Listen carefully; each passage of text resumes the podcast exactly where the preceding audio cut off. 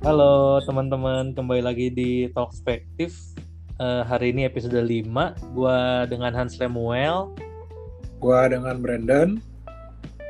Nah, hari ini episode ini kita masih bahas masih bahas masukannya ini masih finansial sih ya, Don.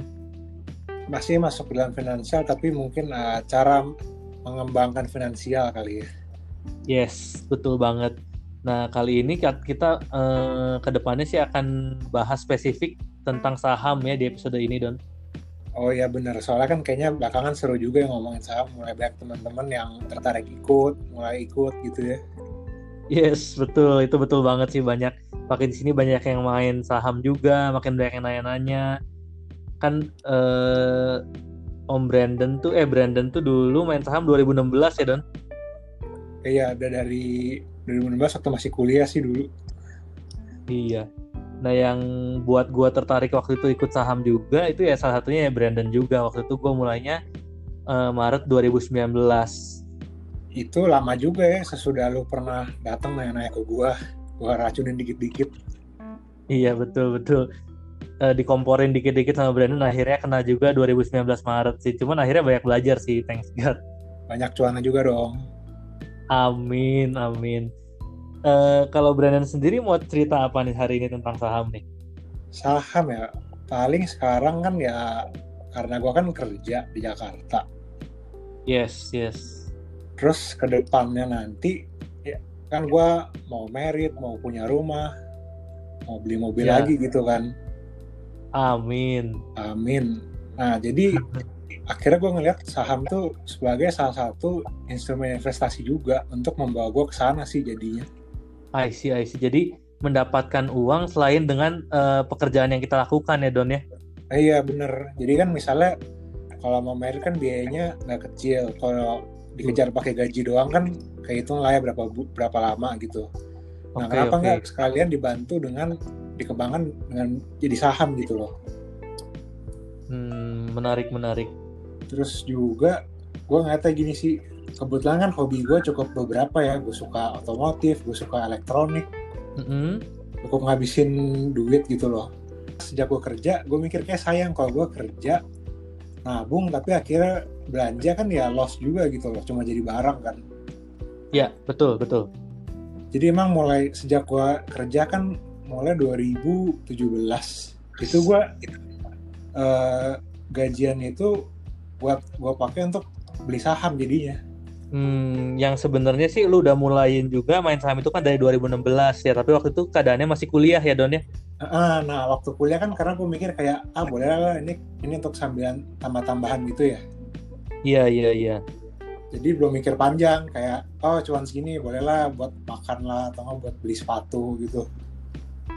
Hmm, jadi sebenarnya uh, apa ya semacam triggernya tuh mirip-mirip ya waktu kuliah kan buat makan, buat beli sepatu. Saat udah kerja juga ya uh, sama untuk memenuhi kebutuhan-kebutuhan kayak hobi lu, tapi ada jangka panjangnya juga untuk ya rencana-rencana lu ke depannya ya Don ya. Uh, untuk rencana ke depan sama uh, gue nggak mau belanja dari dari gaji gitu loh. Nah bagus banget tuh iya iya. Nah itu ceritanya gimana tuh Don? Jadi begitu gue mulai kerja kan terima gaji kayak langsung ngitung-ngitung oh gue pengen beli HP ini nih harganya 10 juta gitu ya mm-hmm. cuma gue ngitung ini bisa sih gue nabung berapa bulan gajian untuk beli HP cuma kayak gue mikir sayang gitu loh udah berdarah-darah nabung udah hilang cuma jadi HP walaupun gue suka oke okay, oke okay. karena sebenarnya HP itu kebutuhan tersier ya Don tersier banget sih. Memang saat akhirnya gue beli HP HP lama gue belum rusak sih tapi ya karena hobi gitu loh. Iya iya paham paham paham. Jadi kan akhirnya gue putusin oke okay deh gue targetin beli HP jangan dari nabung gaji tapi mesti dari profit saham. Oke. Okay. cuma profitnya itu beda ya sama profit yang yang akan gue apa yang ingin gue capai saat 2-3 tahun lagi yang tadi. Hmm, jadi ya kalau bisa dibilang ada ada dua ya Don ya satu profit saham untuk kebutuhan hobi, let's say handphone baru, and then satu lagi tuh untuk sources untuk mencapai future lu kali ya. Uh, bener. Jadi kalau okay. untuk kebutuhan di masa mendatang kayak merit atau beli rumah itu, gue pakai uh, gue dari investing sih. Hmm oke. Okay. Jadi uh, saham di sini ada dua kali ya, satu investing long term, satu trading kali mungkin ya. Yes, bener. Jadi yang investing ini, gue ngeliat jangka panjang prospek perkembangannya gimana, itulah yang gue pilih yang tiap bulan akan gue tambah, gue tambah. Oh, I see. Jadi lu top up tiap bulan untuk ke porsi investing lu itu ya, Don? Uh, uh, jadi cuannya nggak langsung gue realisasiin, gue biarin aja. Oh, oke okay, oke okay, oke. Okay. Tapi buying buying si emitennya itu bertahap ya? Buyingnya ya buyingnya bertahap saat menurut gue ini saat yang tepat untuk buy. Hmm, berarti uh, sorry ini kita uh, apa ya suatu uh, gimana spesifik dulu deh ya uh. di case yang long term ya Don. Yes. Yang investing berarti lu belinya harus perusahaan-perusahaan atau emiten-emiten yang fundamentalnya harus benar-benar bagus dong karena kan long term ya. Iya jadi sebelum gua milih yang mana gua ngeliat dia ini di sektor apa. Oke. Okay. Di sektor apa terus ya untuk dua tiga tahun lagi gitu ya itu masih ada uh, prospeknya nggak ada potensi dia untuk berkembang nggak bisa nggak gitu betul betul jadi ya buat gambaran uh, kan kalau di saham itu kan ada banyak sektor ya ada tambang ada consumer goods banking dan etc lah ya nah ya salah satunya yang dimaksud Bandung tuh ya jangan juga di sektor yang pertambangan itu yang sekarang udah mulai suram ke depannya udah gak ada prospek kayak gitu kali ya Don Oh iya sih gitu maksudnya. Jadi kan uh, misalnya kayak Indofood deh. Yes. Indofood itu kan kita mikir kayak selama orang masih makan Indomie kan dia akan tetap jalan dong. Oke, okay, berarti in this case emiten ICBP ya kalau Indo Indomie ya. Uh, berarti untuk 2-3 tahun lagi kayak kita mau keep on sebagai tabungan bisa. Oke, okay, oke. Okay. Berarti kalau cases ini dari segi bisnis perusahaannya itu ya ke depannya juga akan fine fine aja gitu ya iya yeah, at least dia survive deh kita nggak ya situnya dulu at least survive supaya jangan jadi hangus duitnya gitu. Oke okay, paham paham. Karena buat yang belum paham juga kalau ke depannya prospeksi perusahaan itunya udah nggak baik ya akan apa ya relevan juga kalau harga sahamnya itu akan turun gitu ya. Iya akan tercerminkan sih jadinya. Nah betul. Jadi apa ya harga saham itu menggambarkan kinerja dari si perusahaannya itu ya Don. Iya, jadi harga saham menggambarkan kinerja dan apresiasi orang-orang terhadap perusahaan tersebut. Betul, dalam hal ini apresiasi investor kali ya, lebih tepatnya ya. Iya, investor, trader-trader kan. Hmm, iya iya betul betul betul. Nah, berarti uh, lu uh, yang udah direalisasi untuk jangka panjang ini lu di emiten apa nih Dan? Atau sektor apa deh? jangka panjang sih sekarang masih bertahan banking ya. Oh lu masih masih masih di banking ya untuk invest uh, jangka panjang ya? Itu banking tadi ya gue ada telco, telekomunikasi itu sementara lagi gue tarik dulu sih. Oh ditarik tuh maksudnya di, di, di realize ya. profitnya gitu? Uh, buka-buka aja hmm. lah ya. Jadi kan kalau telco ini gue punya Excel, sahamnya Excel okay. Axiata itu. Oke. Okay jadi sempat kayak dari setahunan tuh gue ngeliat dia punya prospek oke okay. dari hmm. segi uh, timingnya ya TA-nya Oke, okay, sorry sebelumnya ini supaya pendengar nggak bingung. Ini kan maksudnya uh, di sektor telekomunikasi, nama emitannya EXCL itu adalah XL Axiata ya Don? Uh, Oke, okay, sip. Lanjut lanjut. Nah memang dia itu kan uh, apa namanya perusahaannya kan pasti orang akan butuh kan akan pakai terus. Oke. Okay. Terus kalau dari grafiknya pun menurut gue masih ada potensi lah untuk dia berkembang. Oh dari dari grafik berarti dari technical analysis ya Don? Iya karena memang sebenarnya sih gue uh, do, lebih dominan dari technical analysis sih untuk kapan gue okay. masuknya. Oke okay, oke okay, oke okay. paham paham. Lalu? Itu. Cuma kebetulan karena kemarin mau covid, pas udah mau dekat covid entah kenapa dia kayak udah kayak mau naik lagi udah nggak bisa gitu loh kayak mulai ada tanda baik arah lah oke dari segi grafik ya?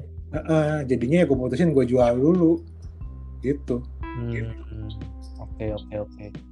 Jadi uh, sekarang untuk yang invest jangka panjangnya yang telekomunikasi itu EX EXCL itu udah di sell sekarang sisa banking ya Don? Sisa banking aja sementara. Hmm, banking lu pegang udah dari kapan Don? Banking. Itu dua tahun ada nggak ya? Hampir dua tahun sih. Tahun hmm. lalu tuh mulai beli. Uh, uh. Emang kalau kenapa kalau yang telekomunikasi dijual before COVID, kenapa kalau yang banking lu tetap keep until this day? Karena kebetulan yang si siapa? Yang si banking itu lebih kecil sih dari yang si telco porsinya. Uh, porsi apa ya? Maksudnya porsi uang yang lu tempatin di emiten tersebut? Iya, penempatan dana gua yang di banking lebih dikit daripada yang si telco. Gitu. Oh. Makanya waktu gua ngeliat ini risknya cukup besar ya udahlah gua jual dulu deh nanti baru cari ruang untuk invest masuk banyak lagi untuk jangka panjang kan. Oh oke okay, oke okay, oke. Okay. Jadi sebenarnya trigger awal trigger awalnya tuh agak worry kali ya, agak khawatir dengan kondisi pasar tahun ini kali ya. Iya, bener banget. Hmm, itu yang cases yang cases yang worry terhadap pasar tahun ini gue juga ngalamin sih, karena eh, gue kan mulai trading 2019 Maret ya don. Uh -huh. Nah itu ya fine fine fine fine aja sampai Trade juga masih bisa survive lah kasarnya. Lalu begitu mulai COVID tuh mulai goncang, gue juga akhirnya worry, akhirnya gue sell juga beberapa nanti mulai lagi deh gitu, kebayang gak sih? Oh, ya emang itu yang paling bijaksana sih, berarti kan apa ya nggak denial sama keadaan. Ini kalau kita mau spesifik di cases yang COVID-19 ini ya, kalau gue sih, gue sell beberapa, di hari itu gue pakai apa ya pemikiran minimalisasi resiko kerugian lalu begitu turun lagi si IHSG atau indeks saham gabungannya gue masuk lagi gitu. Hmm. kalau lu gimana tuh don? Lu udah jual nggak masuk lagi don? Kalau untuk porsi yang investing sih belum cuma untuk yang trading sih gue tetap jalan ya oh oke okay, oke okay. menarik nih menarik jadi selama pandemi COVID ini, lu kalau yang porsi trading pun tetap jalan ya, Don? Iya, jadi yang biasa mungkin gue suka obrolin sama lu tuh juga itu porsi trading sih. Oh, oke okay, oke okay, oke okay. ngerti ngerti. Jadi porsi trading lu sama porsi investing lu akan berbeda emitennya ya? Beda ya, gue pisahin. Nah, gue gabung. Oke. Okay. Oke, okay. jadi buat apa ya yang dengerin juga maksudnya uh, kita juga harus bisa memilih kali ya kalau kita mau investing tuh ya kasarnya yang perusahaannya udah benar-benar settle, yang benar-benar kita kenal kerjanya, masa depannya secara prospeknya, uh, ya udah kita taruh di situ deh. Kalau yang trading ya boleh lah yang yang apa yang pergerakannya tuh secara historical itu bisa naiknya tinggi, turunnya ya turunnya pun bisa aja tinggi gitu ya. Iya turunnya juga besar. Memang sih kalau ngomong investing sama trading, uh, investing agak boring sih, karena kan nunggunya lama ya. Oke. Okay. Cuma kalau yang trading tuh kayak ada full feeling sendiri. Kebetulan kan kayak ya hasil dari trading tuh akhirnya bisa lah gue beli HP gitu. Oh, I see, I see. Jadi apa ya kayak hasil hasil trading lu tuh kerasa gitu ya. Ini akhirnya jadi bentuknya HP gitu ya. Uh, kan baik lagi kan yang tadi gue rencanain kalau uh, gajian gue tuh jangan sampai apa habis ya gitu aja kan. Betul. Jadi kayak untuk hal-hal yang tersier kayak gue beli HP gue retelin komputer atau apa apain mobil tuh ya gue mulai dari cuan saham. Ya ya betul betul. Ya ya setuju sih. Itu itu pun sejujurnya gue pun demikian don.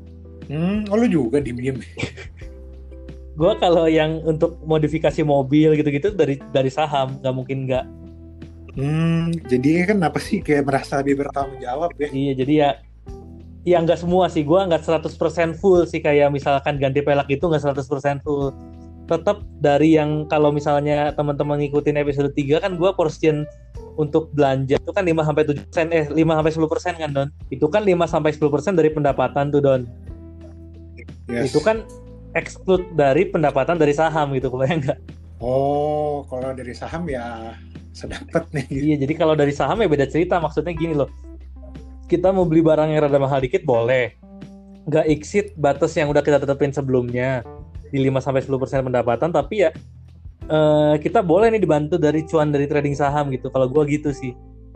Mungkin jadinya mirip-mirip ya, karena berarti kan porsi pengeluaran kita tetap, tapi yang kita dapat kan lebih gitu. Yes, ya that's the point, betul. Itu banget sih. Jadi ya ternyata ya mirip-mirip ya. Jadi kita untuk kebutuhan yang sifatnya dalam tanda petik hura-hura, tersier gitu ya, sebisa mungkin kita jangan ganggu pergerakan uang yang udah kita dapat dari jerih payah kita bekerja ya, Don. Iya, kayak sayang sih. Mungkin kalau pengeluaran untuk kita makan beli bensin kan ya emang konsumsi ya Oh iya iya, itu kalau gue yang bensin untuk mobil sih karena gue bensinnya isinya rada aneh-aneh, itu gue masuknya ke hobi sih. Oh, kalau gue kan isi bensin udah pasti segitu, iya, iya. seminggu iya. segitu aja. Iya iya iya, oke oke paham paham. Nah terus ada apa lagi Don yang tentang saham nih? Selain trading dan investing, apakah ada apa ya? Lu punya pengalaman apa nggak gitu kan? Gue baru 2019 mulainya, lu kan dari 2016. Apakah ada hal-hal unik gitu? Paling kalau dari trading saham itu kan, itu kan ya yang baru-baru kan gue baru beli HP Yes. Jadi sebelumnya itu gue targetin dulu uh, budget beli HP gue itu 15 juta. Oke. Okay. Dan ingin gue capai dalam satu tahun, 12 bulan deh. Iya. Yeah. Nah, berarti itu gue langsung upload kayak, oke okay, 15 juta, gue bagi 12 bulan. Berarti kan gue setiap bulan mesti dapat 1,2an lah ya. Iya, betul. Nah lucunya sejak gue targetin begitu tuh, kayaknya trading saham gue lebih sehat gitu loh Oh oke okay, oke okay, menarik. Sehatnya dalam arti apa ya? Uh, eh, gue lebih konsisten bulanannya dapat, terus gue nya tidur nyenyak nggak pusing nggak stres. Hmm kebayang kebayang sih gimana ya? Kalau gue boleh ngomong sih mungkin kan uh, eh, gue juga ngalamin sih kalau trading saham tuh banyak banget namanya godaan ya godaan. Wah cuannya bisa segini. Wah hari ini kita bisa apa ya naiknya berapa berapa sekian persen gitu ya kalau kita udah netapin suatu target tuh rasanya saat kita udah achieve that target ya udah kita feel free aja gitu ya iya nggak sih iya kayak nggak harus kayak ah, harus harus cari lagi nih cari lagi. Enggak kayak oke. Okay. apa bulan ini baru tanggal 20 tapi udah tercapai nih gue 1,2 ya udah besok kalau ada peluang gue ambil kalau ada ya it's okay. Nggak buru-buru jadinya. Ya setuju sih itu setuju.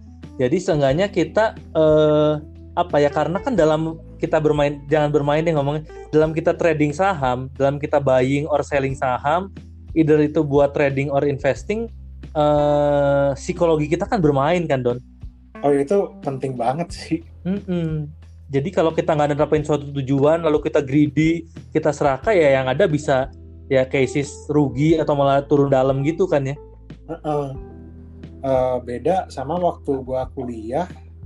Itu kan motivasi gua trading saham tuh kayak buat sambilan lah dapat duit tambahan gitu kan seandainya gua mau jajan-jajan atau mungkin gua pengen beli sepatu yang bagus gitu loh oke. Okay.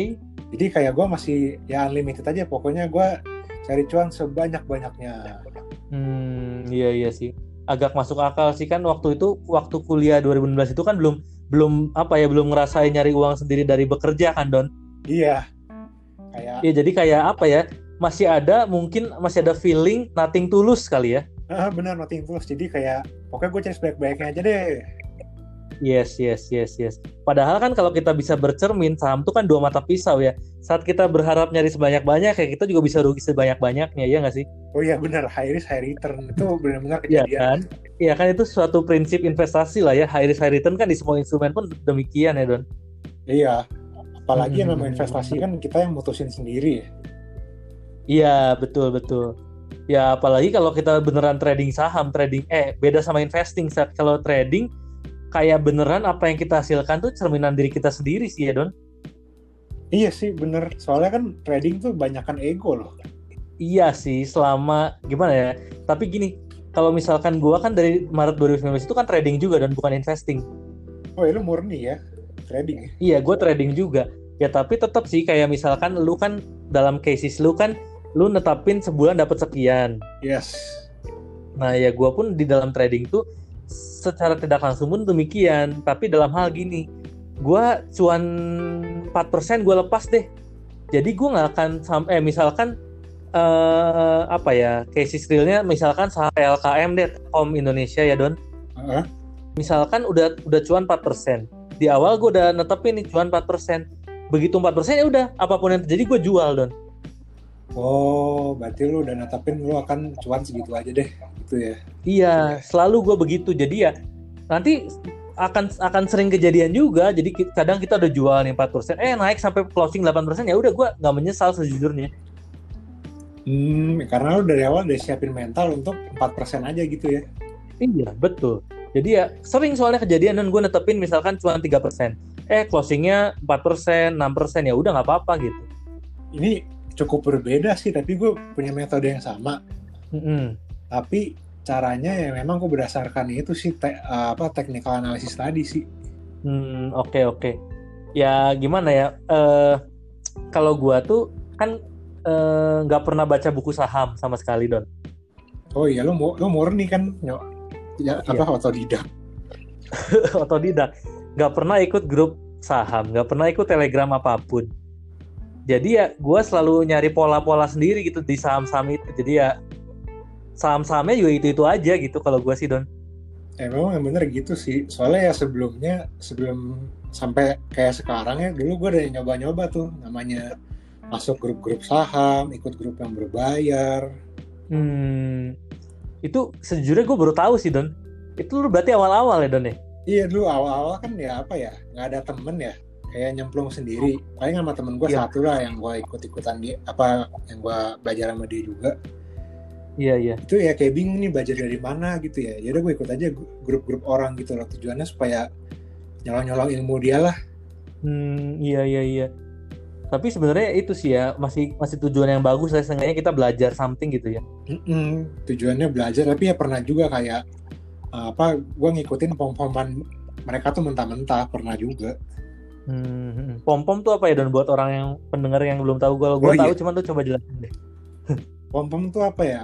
Biasa kalau di grup gitu tuh kayak di kayak di kayak ngomporin kayak dibilang wah ini saham yang bagus prospek ke depannya cemerlang gitu ya. Akan prospek potensi cuan 20% oke oke. Jadi kayak gimmick kali ya? Uh, uh, bisa dibilang kayak gimmick sih. Jadi apa ya prediksi itu sebenarnya belum tentu benar banget gitu ya iya bener. Padahal kalau kita apa ya kita berkaca ke history record dari dalam tanda petik pom pom itu biasanya salah ya. Bisa salah bisa benar juga sih tergantung ya. Cuma kadang-kadang iya jadi kita kan hmm, eksekusi. Ya jadi mungkin misalkan dibilang ini bisa cuma 20% tapi mungkin saat 10% mulai gemeter kitanya.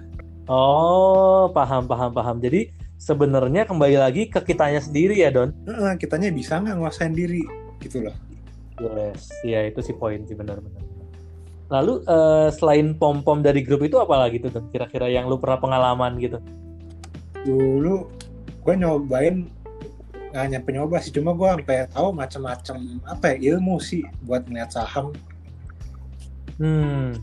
Jadi contohnya uh, paling dasar kan ya TA technical analysis sama FA kan fundamental analysis. Oke, okay. nah kalau kita boleh breakdown dikit technical analysis itu gimana supaya pada tahu? Oh iya, kalau TA itu kan benar-benar kita ngeliat saham tuh dari dia punya chartnya, grafiknya, gerakannya seperti apa. Yes. Kalau FA, kalau FA, nah kalau FA itu cara kita ngeliat saham dari dia punya perusahaannya. Bisa mulai dari rasio rasio rasio keuangannya kan kayak PR-nya berapa, PBV berapa. Yes. Lebih ke arah inilah ya si perusahaan ini tuh seberapa sih value-nya lalu laporan keuangannya gimana gitu-gitulah ya. Nah, prospeknya gimana, lapor keuangannya sehat Betul. atau enggak gitu kan. Nah, selain selain dua ilmu itu kan dua ilmu itu lah ya, dua ilmu yang memang basicnya saham nah. kali ya. Selain ilmu itu ada apa lagi tuh Don yang lu tahu? Itu ada lagi bandarmologi. Pernah dengar gak? Pernah, pernah. Itu itu cukup seru sih. Menurut lu gimana tuh? Sebenarnya gue cukup suka dan cukup mengaplikasikan sih bandarmologi itu. Gue pun demikian jujur. Oh iya coba coba kalau bener mau gitu jadi buat lu gimana ya apa ya kan ini gue mengalami akhir-akhir ini sih nah kan waktu itu don gue pernah yang uh, eh, IHSG lagi turun mulai turun turun dalam itu kan gue pernah cut loss kan don yang waktu covid berarti kan baru trigger ya betul nah itu gue putusin cut loss karena waktu itu sejujur-jujurnya itu eh apa ya dana yang gue taruh di saham itu eh, sebagian ada porsi untuk marriage preparation don. Oke. Okay. Kebayang nggak? Iya iya iya. Nah jadi gue harus eh gue memang sudah netapin sejujurnya dalam hati gue ini namanya juga saham. Berarti ada saat kita naik ya kita happy ada saatnya turun ya kita harus tetap responsibel gitu. Iya benar.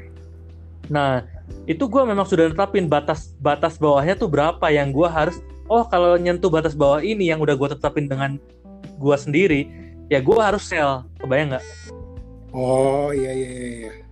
Nah gitu don. Karena kan gimana ya marriage preparation kan sesuatu yang udah kita prepare jauh-jauh hari. Itu pun ya tanggalnya udah ada ya itu kan harus kejadian kan Don. Iya betul nggak bisa geser. Nggak bisa geser. Masa kita gara-gara bocuan saham atau eh sorry kita gara-gara apa ya sahamnya merah kita jadi pending nikahannya itu kan namanya apa ya coward gitu ya. Iya kan nggak bisa dijadiin suatu excuses kan. Uh -uh.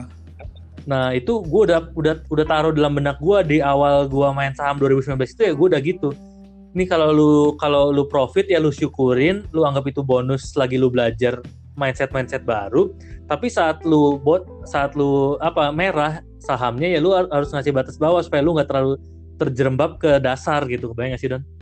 Oh ada batasan resiko buat diri lu sendiri berarti? Ada itu mau ada banget betul. Nah lanjut itu kan eh, bulan-bulan apa ya gue lupa sih antara Februari atau Maret ya Don tahun ini itu gue lakuin cut loss nah setelahnya beberapa hari atau beberapa minggu kemudian nggak nyampe berapa minggu sih berapa hari kemudian gue masuk lagi Don. Itu artinya lo nyari pantulan aja gitu ya? Betul. Jadi gue jual sampai belum sampai titik bottom gue masuk lagi pas bottom. Oh. Tapi ya gak mas tapi itu kan harapan ya. Kenyataannya sih gue nggak masuk lagi pas bottomnya. Ya sedikit naik dari bottom tapi masih bawah banget gitu kebayang ya itu gue juga sering sih. Iya. Nah tapi yang gue pelajarin dari situ gue udah nggak bisa ngandelin sektor-sektor yang selama ini gue hold. Oh karena? Ya karena semenjak pandemi covid ini pasti akan ada beberapa sektoral yang akan lama recovernya gitu. Akan ada beberapa sektor yang lama recover ada akan ada beberapa sektor yang fast recovernya. Kebayang gak sih berarti realistis aja lah ya ngeliat prospek bisnis sekarang gitu. Betul betul. Ya kan apa ya gua kan tipikalnya emang moderat kan nggak bisa yang high risk high return gitu kan. Oh, iya. di episode 3 kan gua milih reksadana saham pun yang moderat don. Oh iya iya iya iya. Nah gue tetap sih konsisten pada mindset gue yang itu. Nah jadi gue mulai lagi nih risk re, apa ya rearrange isi portofolio gue yang dalam tanda petik aman gitu karena kan tetap dananya untuk merit preparation yang nggak bisa diundur. Oh ya benar benar. Hmm, nah nyangkut pautnya ke bandarmologi tuh, jadi gue udah mulai belajar juga kalau uh, apa ya market stock market ini tuh didirect sama beberapa big fish atau several lah. I don't know how how many tapi ya pasti ada big fish big fishnya gitu. Ah benar. Ada orang-orang gede yang ngedirect pergerakan saham ini. Kan saham kan apa ya suatu angka yang mana itu tuh suatu refleksi dari supply dan demand kan? Yes benar banget. Nah entah kenapa gue juga jadi belajar kalau bandar mologi itu ya I think it works ya. Karena kan toh IHSG indeks harga saham saham gabungan kita kan dominantly investor asing kan? Iya. Yeah. nah ya mungkin investor asing itu ya cuma beberapa aja sih sebenarnya. Orang-orangnya itu itu aja sih. Kebayang gak sih Iya bisa sih, benar banget. Iya, ada yang tahu kan ya. Jadi ya entah kenapa sekarang tuh kayak kita tuh kasarnya ikan yang bener-bener kecil dibandingin sama ikan yang bener-bener gede ya udah kita ikan-ikan kecil itu yang ikut aja deh apa kemauan mereka kita ikutin kebayang gak sih iya ya kita ikutin ombaknya aja deh jangan salah-salah melawan yes nah itu gue sekarang jadi begitu tuh oh ini apa ya mungkin menurut gue tuh pola pikir salah satu yang paling bijak sih buat trading saham uh, karena karena ya itu dia karena gue nggak mau miss dari tujuan awal gue porsi dana gue ada di saham ini untuk merit preparation yang mana itu nggak bisa jadi eksklusif gue kalau gue gagal di saham. Ya gue harus adalah bijak untuk mindset gue yang moderat aja ikut ikut ikut itu, itu, itu aja deh ikan-ikan besar aja deh. Oh.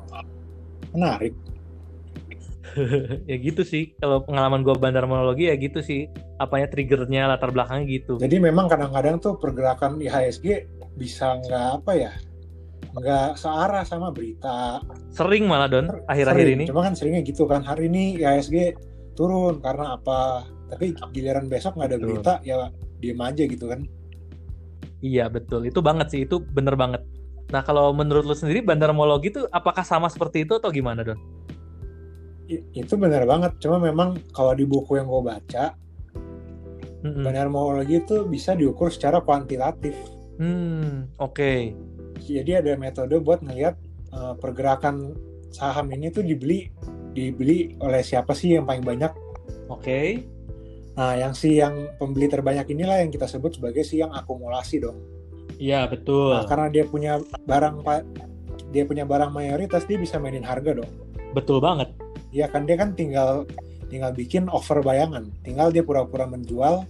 Jadi seolah oh kayak bakal naik nih, gitu aja terus. Yes, setuju. Itu setuju sih. Uh, makanya apa?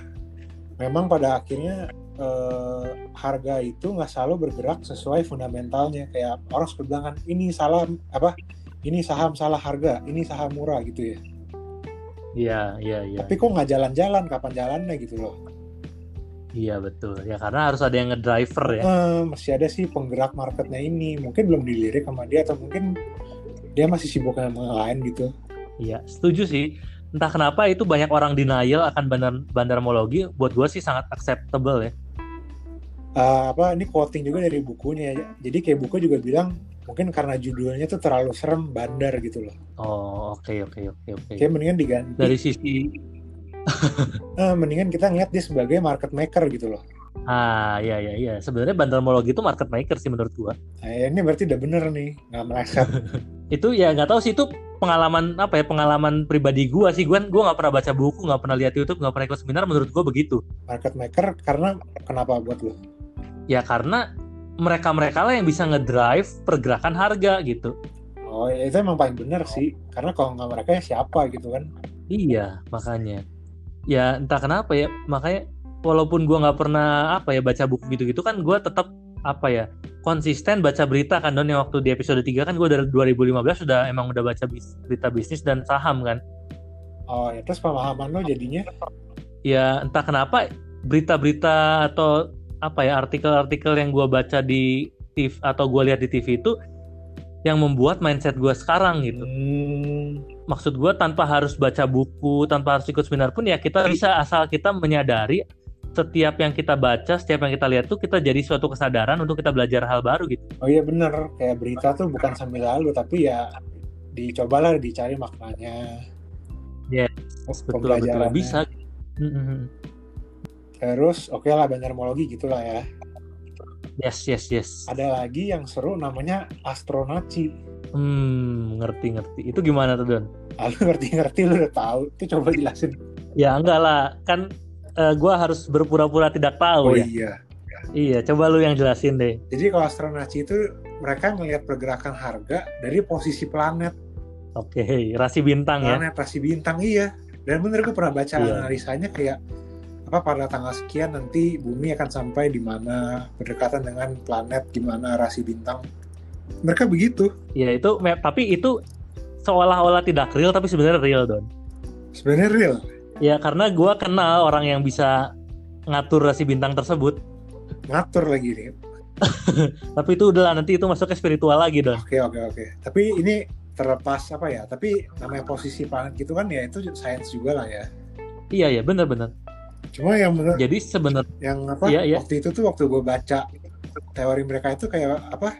Apa hubungan harga sama posisi planet gitu. Jadi gue kayak aduh nggak bisa deh gue yang ini Nah, gue, oh, oh jadi lu yang sampai ke situnya belum belum belum nangkap gitu ya? Dong? Belum kayak ya kaitannya apa planet sama harga harga kan supply demand gitu. Jadi ya udah ntar aja baru gue baca lagi. Nah, ini gue bisa ngomong sih, tapi gue belum pernah baca bukunya Don atau gue belum pernah baca artikelnya. Cuman di pikiran gue gini Don. Uh? Uh, itu kan pergerakan rasi bintang, pergerakan planet-planet, pergerakan satelit-satelit kan Don. Yes. Nah, entah kenapa memang secara sains yang memang agak susah dibuktiinnya hal-hal tersebut tuh akan mempengaruhi either itu uh, kondisi iklim entah itu kondisi ya kayak gini tiba-tiba ada pandemik itu tuh sebenarnya bisa mempengaruhi gitu loh dan oh jadi ya akan akan akan ada sangkut pautnya sebenarnya ke dunia saham yang sebenarnya kan refleksi keadaan ekonomi kan iya benar Nah, keadaan ekonomi kan yang mempengaruhi apa ya? Bisa aja pandemi kayak gini kan benar-benar kepengaruh. Iklim aja kan tiba-tiba bencana di mana-mana kan bisa berpengaruh. Bayang nggak sih? Oh, mungkin apa ya? Mungkin karena memang gua nggak ada benar-benar nggak ada ilmu dan pengalaman di bidang itu, jadi ya udah mental aja buat gua gitu ya. iya ya. Makanya kalau buat gua begitu lu pernah waktu itu sempat ngomong astronaci ya gua ya oke okay sih ini sebenarnya relate sih. Cuman gua agak bingung jelasinnya gimana gitu ya Oh. Sebenarnya kalau diperdalam lagi beneran-beneran relate sih sejujurnya, cuman lebih banyak arah spiritualnya sih. Berarti kalau lu bisa dalam ilmu itu wah jago dong buat saham juga. Ya, ya nggak juga kan setiap orang punya purpose masing-masing tuh. kan purpose gua main eh trading saham pun bukan gara-gara nyari cuan kan lu tahu juga. Oh iya sih. ya tapi jadi apa ya kalau buat yang beberapa orang yang pengen trading saham atau invest saham tapi bukan untuk nyari profit sebesar-besarnya pun bisa gitu karena gue pun demikian gitu mencari apa ya sudut pandang baru mindset mindset baru dari ya, masuk ke dunia saham ini gitu. Tapi memang sih kalau gue flashback lagi memang gara-gara gue trading, trading saham tuh gue jadi mulai apa ya mulai mencari perspektif baru gitu loh. Mulai terbuka mulai mencari iya. jadinya.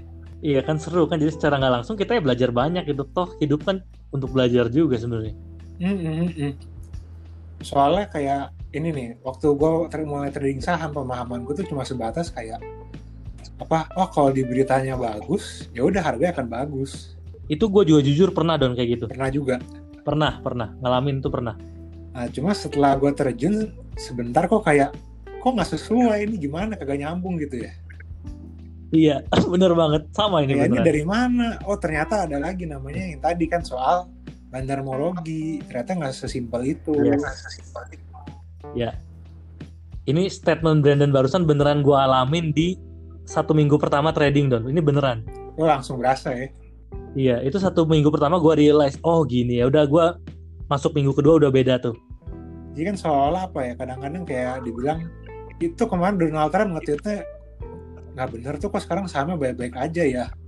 Ya mau gimana nggak bisa sementara-mentah itu gitu ternyata. Yes, betul. Itu kan di Indonesia juga kejadian kan. Mm -hmm. Waktu itu kan eh gue mulai itu 2019 Maret waktu itu kan banyak tuh Jokowi atau ya apalah pemimpin kabupaten atau pemimpin daerah ngomong wah salut sama misalkan itu ya kita sebut merek Wijaya Karya bisa ABCDE yang positif. Eh harga sahamnya melempem sama aja kan. Iya apa hubungannya ternyata? Apa hubungannya kan ternyata? Iya makanya. Nah itu menarik sih Don. Entah kenapa ya mindset gua awal tuh begitu juga kan di minggu pertama kalau beritanya bagus ya sahamnya juga kegerak lah seenggaknya sentimen positif secara short term gitu kebayang nggak sih? Iya iya iya iya. Ya. Nah semenjak ke, itu tuh tidak sesuai ekspektasi gue alias itu nggak kejadian ya gue mulai mencari ini apa sih penyebabnya gue mulai belajar di minggu kedua itu kalau saham tuh yaitu harga yang refleksi dari supply and demand gitu. Mm -mm. Bukannya karena berita doang. iya iya tapi gini sih lucunya kadang berita-berita positif itu bisa dijadiin suatu statement analis ini saham ini bagus karena ini. Misalkan beritanya muncul jam 12 siang. Nanti saat closing sesi 2 jam 4 sore itu bisa jadi headline berita tuh. Kebayang nggak? Oh iya iya iya iya. Memang saat dia berhubungan ya, kan? ya semua orang pasti setuju. Nah iya makanya itulah. Kadang kita tuh nggak bisa serta-merta percaya 100% ke prediksi analis gitu-gitu. Iya benar, kadang kan ya mereka ya namanya itu memang pekerjaan mereka, itu memang mereka kan ada ilmunya juga, ada prosesnya. Yes, betul betul. Semua ya. Ya jadi terlepas bukannya analis itu salah ya Don ya? Sebenarnya ya nggak salah sih, cuman ya kitanya yang gimana kan kita action juga. Yes, betul. Kalau mau kita coba apa ya, misalin kita ditempatin di posisi analis, dengan segala ilmu kita, akademis kita, kita pun akan susah kalau disuruh, yuk coba kamu uh, bikin prediksi hari ini saham ini gimana, saham ini gimana, ya kan prediksinya kan buat berapa juta orang ya Don? Iya itu bebannya besar loh, nggak sesimpel cuma betul. ngetik. Yes, betul. Di mana beberapa juta orang itu kan di masing-masing kepalanya kan mindsetnya berbeda, perspektifnya berbeda, ya akan sulit untuk relate ke semua gitu ya. Iya, begitu analis kan pasti tiap research yang dikasih kan ada fotonya nama lengkapnya gitu kan. Gila loh iya iya iya. Makanya sebenarnya ya analis tuh ya nggak bisa kita cap salah atau nggak bisa apa-apa yang enggak mereka tuh sebenarnya uh, apa ya secara akademis secara ilmu ya proper. Cuman ya kitanya aja yang menanggapinya tuh harusnya gimana gitu ya. Hmm, kita mendingan ngeliat itu sebagai apa ya? Ya oke lah sebagai panduan aja. Yes betul. Kalau nggak kita serap ilmunya aja. Maksudnya si analis ini kan kadang suka dijabarin tuh alasan dia bikin analisa ini apa ya. Kita pelajarin oh dia tuh ngelihatnya dari sisi ini gitu loh. Sebenarnya gue banyak baca analis tuh buat nyari ininya sih fundamentalnya sih. Mereka kan lebih banyak baca ya. Yes. Jadi kalau mau shortcut tuh kadang ya gue baca analisa mereka dulu aja deh. Kan gue belum ada waktu gitu ya buat ngorek-ngorek.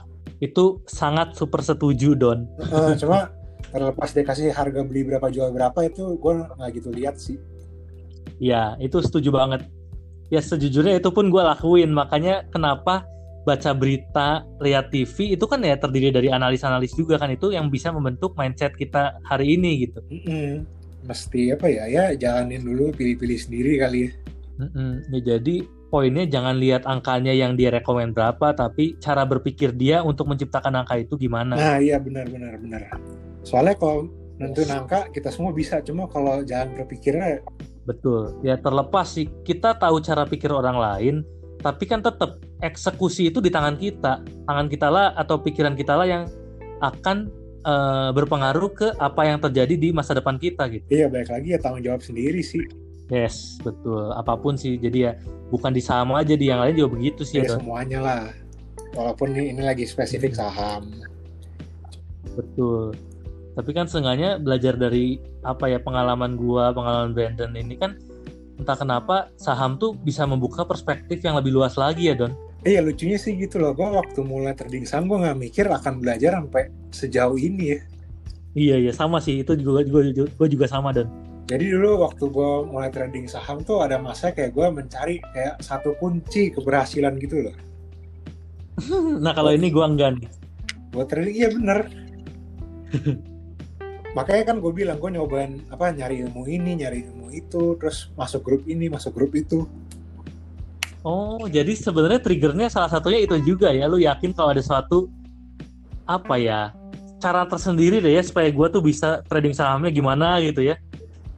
iya biar bisa cuan konsisten gitu loh tapi ya ternyata akhirnya ya yang menen, yang bisa membuat lu begitu ya perjalanan lu sendiri sih mantap sih. Ini ini good point banget sih. Jadi ya apa ya walaupun gua nggak pernah ikut apa pun gitu ikut grup ikut seminar baca buku tapi dalam hal ini gue setuju banget sih sama lu Don. Soalnya akhirnya ya, gue mikir untuk supaya bisa trading yang benar pertama kita mesti psikologisnya stabil dulu gitu loh. Mesti siap hmm. masih tenang. Hmm. jadinya ya, keputusan ya. kita tuh bakal lebih apa lebih bertanggung jawab lebih objektif oke okay, oke okay, oke okay, oke okay. psikologis uh, stabil tuh maksudnya gimana ya uh, kita tuh harus bisa ngontrol uh, ego kita juga kali ya iya iya ego sih ego paling bahaya sih ternyata Iya nggak sih? Soalnya gimana ya?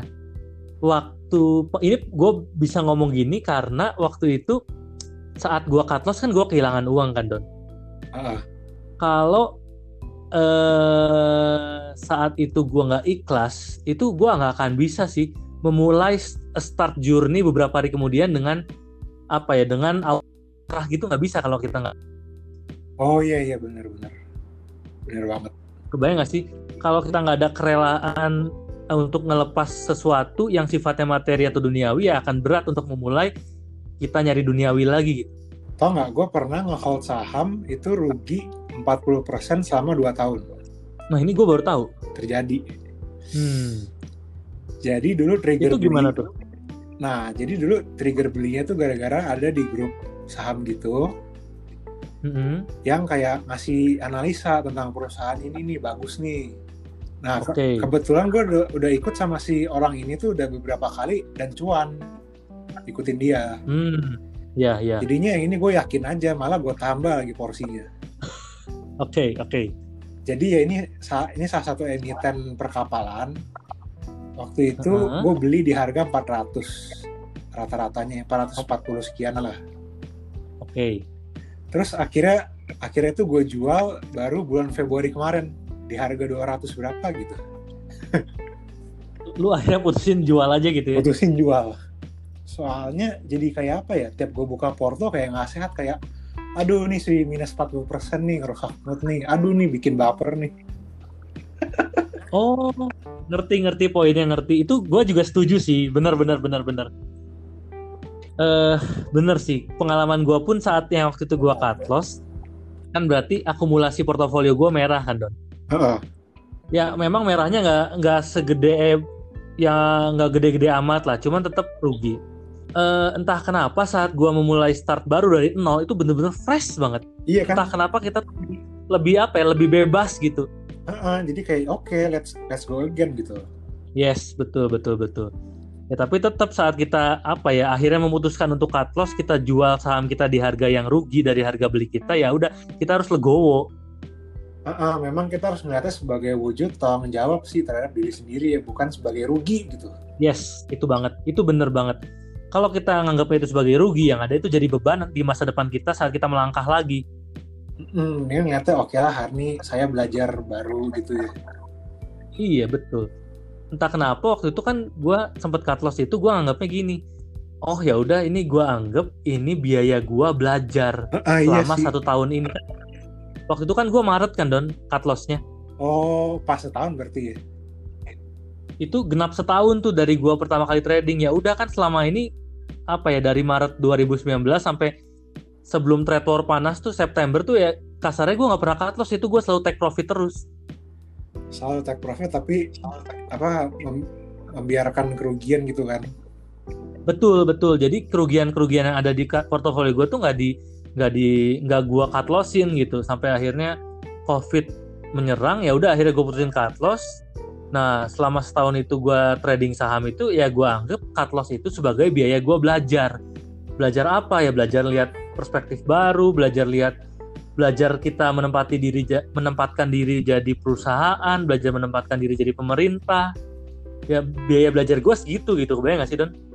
Ya, kebayang banget sih. Ya biaya belajar kan ya karena sudah rugi sekian jadi hari ini saya bisa menjadi seperti ini gitu aja kan jadinya betul betul seenggaknya saat kita rugi pun kita udah banyak banget belajar hal-hal baru gitu uh -uh, jadi ke depannya ya udah supaya nggak rugi kayak kemarin lagi mulai siap maju betul Betul betul banget dan ya puji Tuhan itu kejadian sih setelah gua main lagi tuh ya bener-bener kayak nggak ada celah kita nggak boleh bukan nggak ada celah ya tetap ada celah cuman kita bener-bener meminimalisasi resiko kerugian gitu.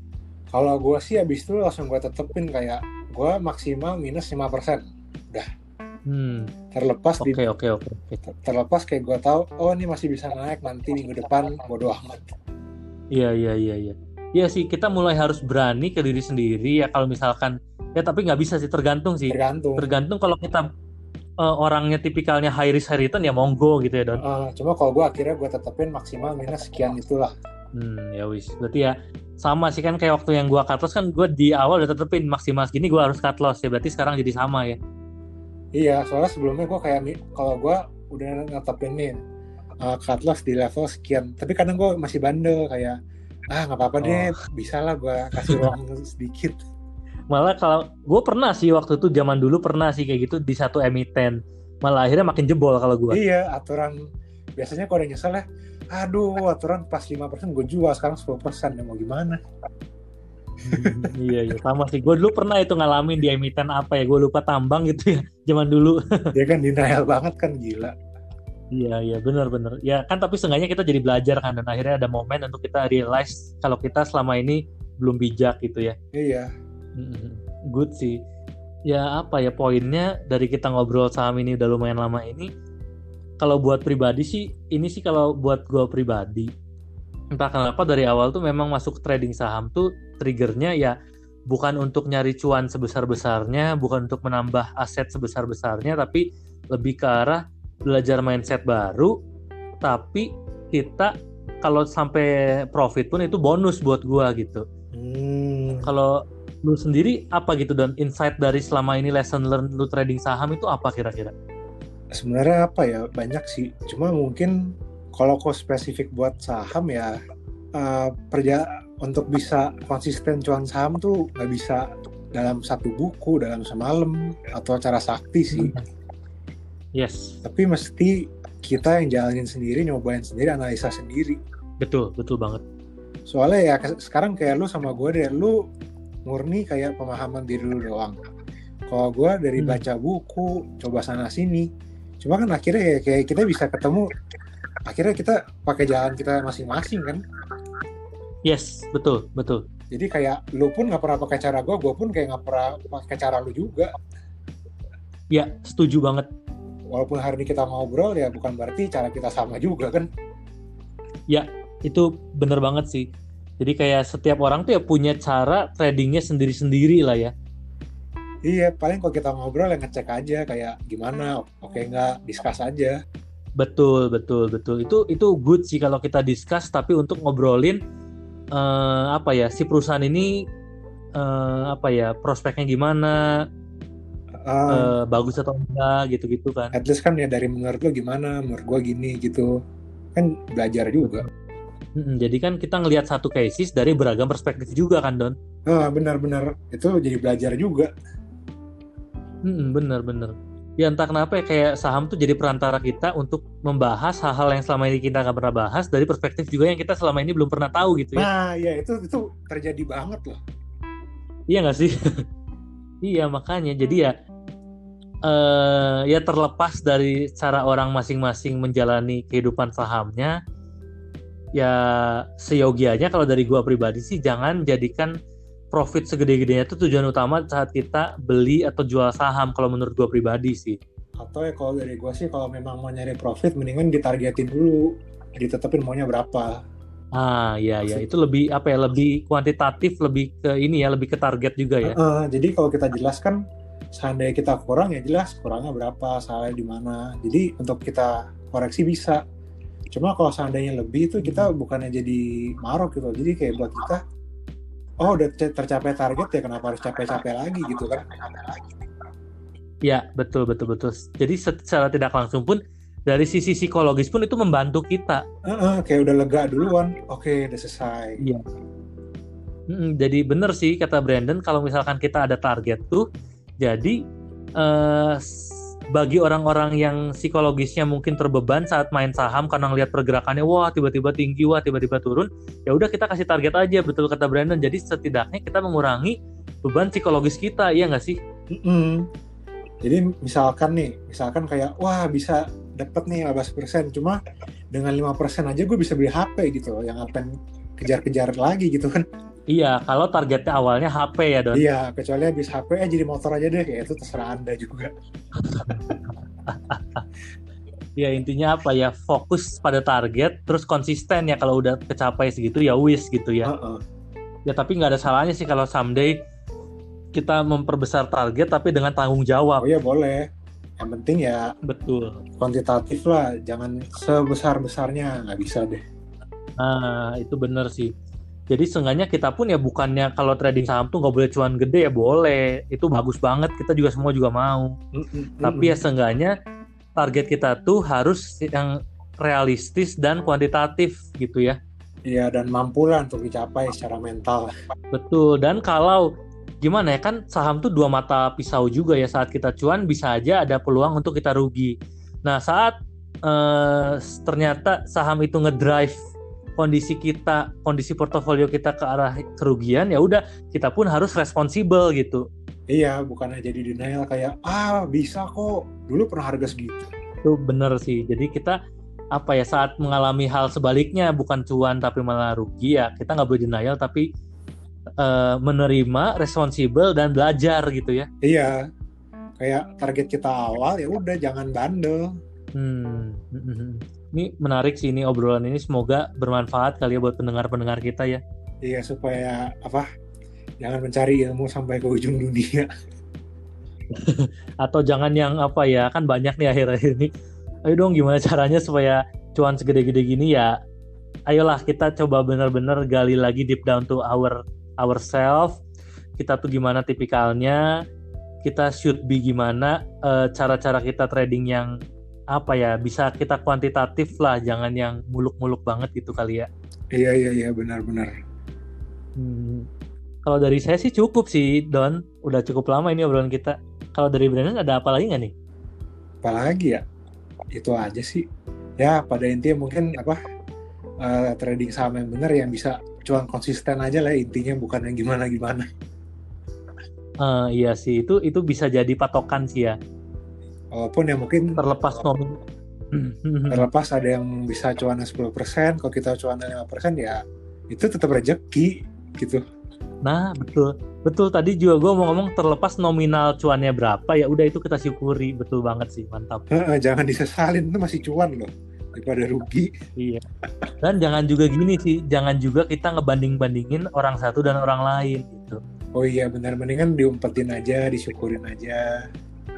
Betul jadi ya apa ya kan caranya aja udah beda. Kita tipikal beda latar belakang beda ya udah kita nggak bisa bandingin oh si A dapat sekian bulan ini oh si B dapat sekian jangan juga itu malah bisa jadi jadi malah beban psikologis yang memperparah kita saat trading. Gitu. iya malah insecure kayak mikirnya wah dia jadi bisa kenapa gua enggak? Ayolah coba. Betul betul. Ya itu sih palingnya. Mantap obrolan hari ini. Oke deh sudah kita sharing-sharing sedikit tentang sahamnya hari. Ya semoga teman-teman bu jadi apa mau nyoba lah untuk menemukan karakter sendiri dalam saham. Yes, yes betul betul banget. E, menemukan cara-cara tersendiri cara-cara yang apa ya individual untuk trading saham kita masing-masing gitu ya. Malahan ya kalau buat gue sendiri gara-gara gue trading saham gue juga jadi lebih mengenal diri sendiri sih. Bonus kan jadinya itu betul banget. Jadi apa ya trading saham tuh refleksi diri kita juga ya. iya iya iya benar-benar refleksi juga jadi. Iya. Tuh. Ya udah udah cukup panjang obrolan kita. Uh, thank you banget nih Don hari ini buat episode 5 ini. Thank you, thank you Mur. Thank you buat teman-teman udah dengerin. Semoga bermanfaat. Yes, goodbye. Bye, thank you.